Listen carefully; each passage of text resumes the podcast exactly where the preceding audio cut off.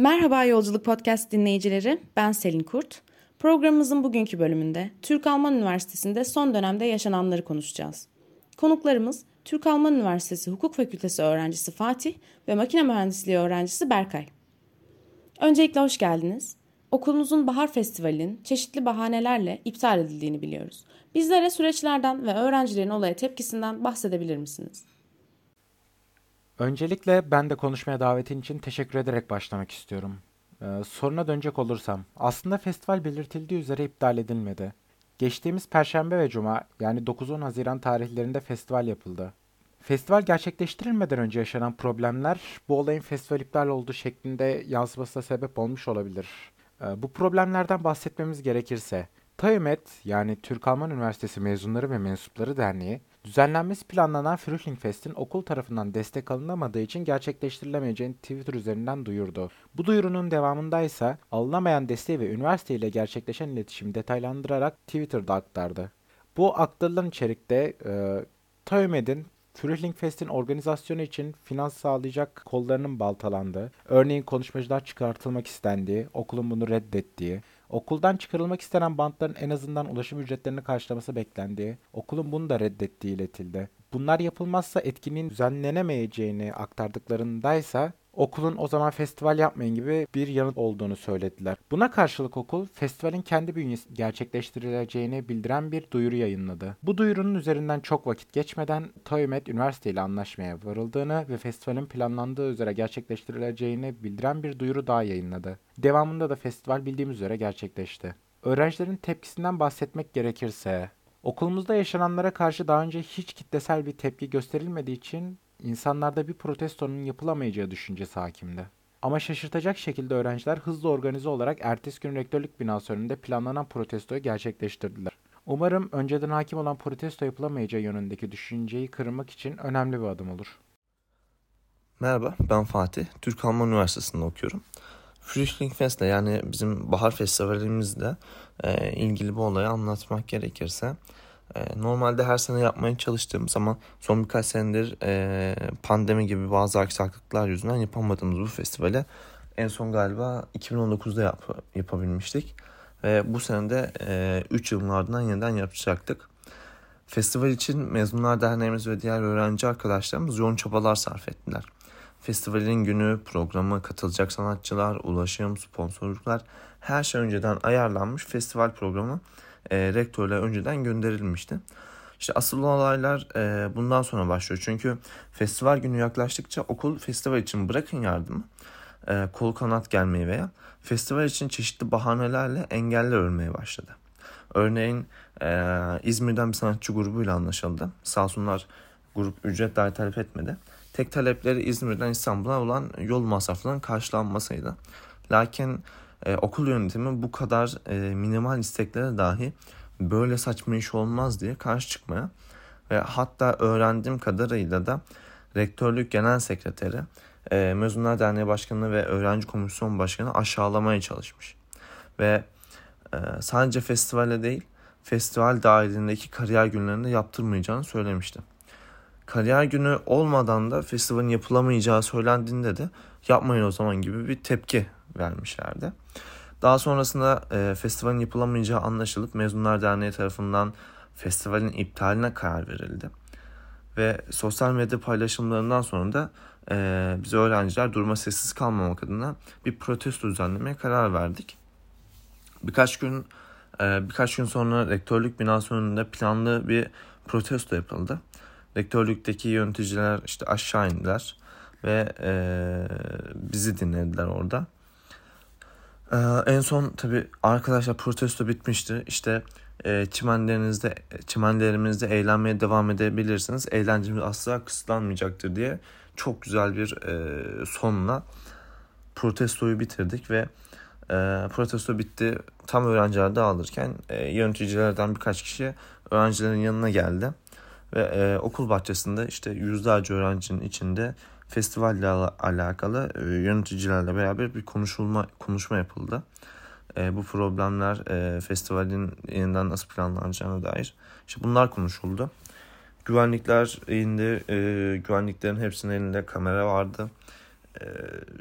Onlar da kameralar şey çektiler. Herhalde bir olay olmasından korktular ama bir e, kaba veya yani bir olay çıkartacak şeyde değiliz. Bizim derdimiz sadece kendi eğlencemizin kısıtlanmasıyla alakalı da. O yüzden hiçbir olay yaşanmadan protesto sonucunda en sonunda e, olayları yapabildik. istediğimiz eğlenceyi en azından elde edebildik.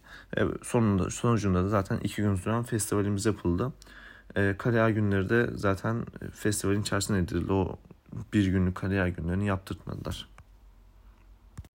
Geçtiğimiz günlerde Türk-Alman Üniversitesi Rektörlüğü'ne Cumhurbaşkanı tarafından kayyum rektör atandı. Bu konuyu nasıl değerlendiriyorsunuz? Geçtiğimiz günlerde yaşanan bu olay aslında Türkiye'de çok da uzak olduğumuz bir konu değil.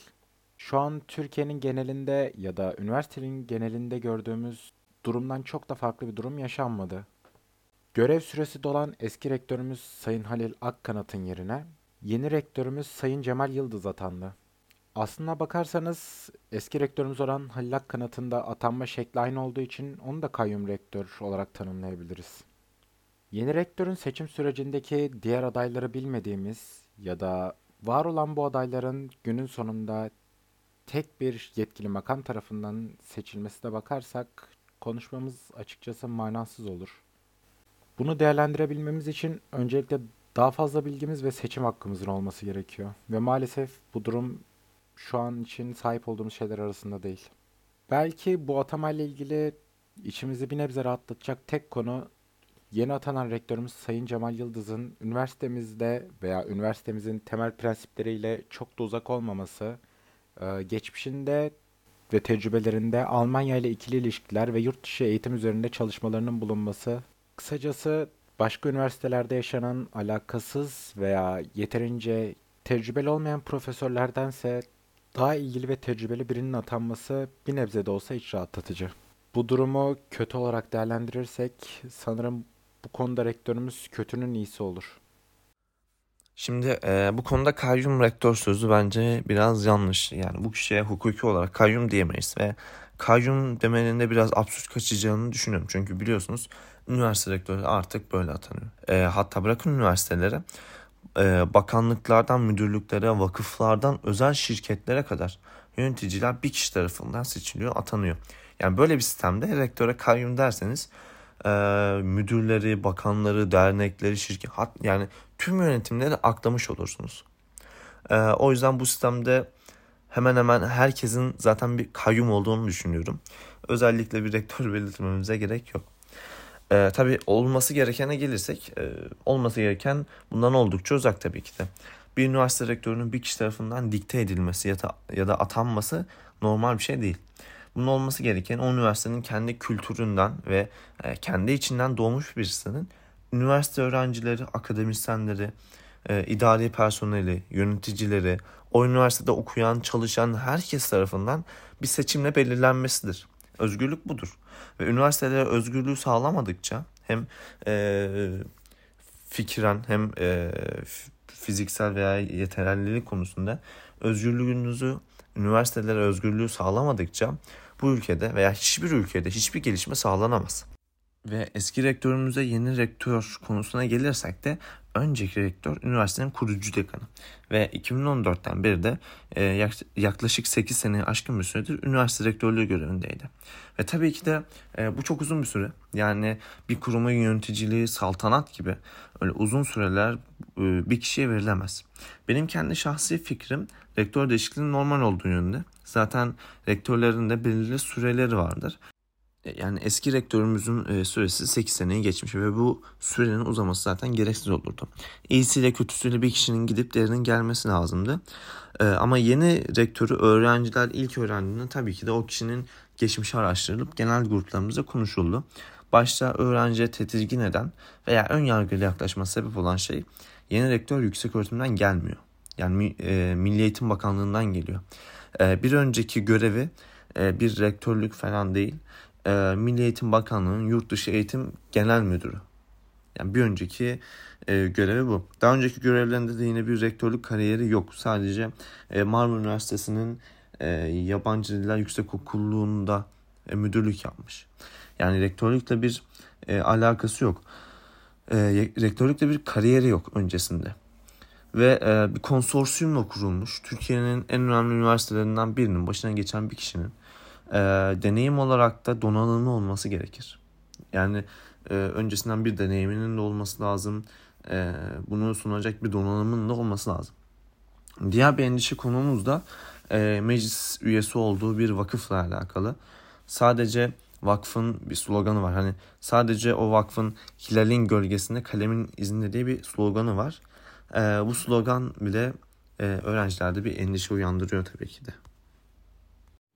Kayyum rektör atamasının hemen ardından üniversitede İlahiyat Fakültesi kurulmasına ilişkin Cumhurbaşkanlığı kararı resmi gazetede yayınlandı. Üniversitenin öğrencileri olarak konu hakkında neler düşünüyorsunuz? Senin de bahsettiğin gibi İlahiyat Fakültesinin açılması resmi gazetede Cumhurbaşkanlığı kararıyla yayınlandı. Yani bu eski ya da yeni rektörden bağımsız olarak Cumhurbaşkanlığının verdiği ve bu doğrultuda ilerlenecek bir karar. Tam atama sonrasında gerçekleşmesinin belki bir anlamı vardır, bir mesajı vardır ya da belki de sadece dönem sonuna veya bildirim vaktine denk geldiği için böyle olmuştur. Ama bu kadar yakın tarihte gerçekleşmesi çok da tesadüf gibi durmuyor. Eski rektörümüz ya da gelecek başka bir rektörün atanması bu durumu değiştirir miydi? Onu da sanmıyorum. Aslında bakarsanız biz kendi aramızda bu konu ilk başta Cumhurbaşkanı ile Olaf Scholz arasında gündeme getirildiğinde bunun gerçekleşmesi hakkında şakalar yapıyorduk. Nasıl gerçekleşeceği veya neden gerçekleşmeyeceği hakkında uzun uzun kendi aramızda tartışmalar yaptık. Ve açıkçası bir ilahiyat fakültesinin açılmasını, özellikle bu kadar yakın bir tarihte açılması da hiçbirimiz neredeyse beklemiyorduk. Bizce bu noktada okulun önceliği, var olan sorunları gidermek ve var olan açıkları kapamak yönünde olmalıydı. Okulumuzda bunca sorun varken veya diğer üniversitelerde bulunan ve henüz Türk-Alman'da bulunmayan birçok lisans eğitimi varken üniversite yönetiminin ana odağı ilahiyat gibi görece olarak spesifik veya küçük ya da özel bir kümeye hizmet eden bir bölüm olmamalıydı. Aslında bakarsanız üniversitenin temel prensibi altında yatan anlaşmalı üniversitenin ayarlanması, öğretim üyelerinin alınması ve diğer süreçler planlanırken ya da gerçekleştirilirken bu süreç gelecek yılları da kapsayacağı için hiç gerçekleşmeyen ya da planlanandan daha geç gerçekleşen bir olay olarak kalabilir. Günün sonunda zaman ne getirecek hep birlikte göreceğiz. Bu olaylar tabii ki de bu doğrultuda e, bu zaman zarfında gelişmiyor. Keşke böyle gelişse. Çünkü böyle bir gelişme olsa biz öğrenciler olarak çıkıp protesto yapabilirdik veya sesimizi duyurmaya çalışabilirdik. Ama işler daha karmaşık. Bu kararlar ilk resmi gazetede duyurulduğunda e, bizim öğrenci gruplarımızda tartışmalar döndü. Ne yapabiliriz? Bir protesto ya da bir basın açıklaması gibi bir şey mi yapsak diye. Ama sonrasında bazı arkadaşlarımız olayın nasıl geliştiğini ve bunun tek taraflı bir karar olarak verilemeyeceğini tekrardan hatırlattı. Şöyle anlatayım. Türk Alman Üniversitesi 2010'da e, dönemin Almanya şansölyesi Merkel'le Abdullah Gül'ün imzaladığı bir konsorsiyumla yani bir anlaşmayla kuruldu. Hatta Türk Alman Üniversitesi Türkiye'nin uluslararası bir anlaşmayla kurulan ilk ve tek üniversitesi. Ee, bu üniversitenin pek çok eksiğini e, gerek ekonomik gerek personel gerekse diğer alanlarda Alman tarafı karşılıyor. Ve akademisyenlerin bir kısmı da Alman DAAD sistemiyle geliyor. Yani demek istediğim bu ülke e, bu tek taraflı Türkiye'nin kurduğu Türkiye'nin tüm kadrosunu ve eğitimini belirlediği bir fakülte değil. Ve Türk Alman Üniversitesi'nde bir fakülte kurabilmeniz için Almanya'nın da bunu kabul etmesi lazım. Zaten bu ilahiyat fakültesi konusu yenide değil. Ee, Angela Merkel yerine Olaf Scholz'a devrettiği zaman Tayyip Erdoğan Almanya'yı ziyaret etti. Orada Olaf Scholz'u kutlamaya gittiğinde e, Türk-Alman ilişkilerini konuşmuş ve ortak bir basın açıklaması yapmışlardı. Erdoğan ilk defa hatırladığım kadarıyla o zaman İlahiyat e, Fakültesi'nin açılma fikrine gündeme getirmişti. Şansölye de buna sıcak baktığını söylemişti. Yani bu maalesef Türkiye'nin tek başına aldığı bir karar değil. Almanya'nın Almanya'nın da istediği ve onayladığı bir şey. Yani demek istediğim bu konu sadece öğrencilerle, akademisyenlerle ya da bir takım çevrelerle fikirlerimizi duyurup değişiklik bekleyebileceğimiz bir şey değil. Öncelikle Türkiye kamuoyuna bunu duyurmamız ve destek e, destek almamız lazım. Ardından da bu tepkileri Almanya kamuoyunda görülebilir kılıp e, aa durun bir dakika ortada demek ki yanlışlar var dedirtebilmemiz lazım. Almanya kamuoyunda bu konuda bilgilendirmemiz lazım. Özellikle üniversitenin e, yeni olmasından dolayı da hala da fiziksel olarak eksikleri varken Türkiye'nin ve hatta Avrupa'nın okumuş, nitelikli teknik insanlara ihtiyacı giderek artarken okula tıp fakültesi, diş e, hekimliği fakültesi gibi e, daha teknik ve e, ihtiyaca dayalı, daha aciliyeti olan bölümler yerine ilahiyat açılması Almanya ve Türkiye'nin çok büyük bir hatası diye görüyorum. Yani Almanca ilahiyat Türkiye'de kim okuyacak? E, okuyan ne iş yapacak? Türkiye Almanya'daki imamları, müezzinleri buradan mı yetiştirmeye çalışacak? Almanlar e, bu insanları ne yapacak? Eğitim görevlileri kimler olacak? Almanca, İngilizce ve Arapça bilen ilahiyatçılar nereden bulunuyor? Çünkü e, akademisyen olabilmek için İngilizce bilmeniz lazım. Türk-Alman'da bir eğitim verebilmeniz için Almanca biliyor olmanız lazım ve ilahiyatta da Arapça bilmeniz lazım. E, bu insanlar nereden bulunacak? Türkiye'de böyle bir akademisyen topluluğu olduğunu da düşünmüyorum. Öğretim görevlilerini Almanya gönderecektir büyük ihtimalle. Ve bu insanlar hangi okula göre nasıl bir eğitim alacak? Bunlar da bir soru işareti. Aldıkları eğitimin amacı ne bunların? hiçbirinin ortada mantıklı bir açıklamasını ben bulamıyorum. Ee, hem okulun hem de ülkemizin hatta hem de Avrupa'nın daha farklı öncelikleri olduğunu ve bu kararı e, öncelikleri erteleyerek ve altı doldurulmadan alınmış bir karar olarak görüyorum. Önce kendi gerçeklerimizi görmeliyiz. Onlara çare bulmalıyız. Türkiye'de büyük bir e, okumuş, nitelikli iş gücü, e, insan kıtlığı var. E, bunları çözebilmemiz lazım. Daha biz bunları çözemeden, bunları yetiştiremeden e, zaten yüz binlerce e, mezun veren bir ilahiyat fakültesi açılıyor. Bunun tamamıyla gereksiz ve e, siyasi olarak alınmış bir karar olarak görüyorum. Almanya'nın da bu kararı e, nasıl kabul ettiğini anlayamıyorum. Programımıza katıldığınız ve söyledikleriniz için çok teşekkürler. Görüşmek üzere.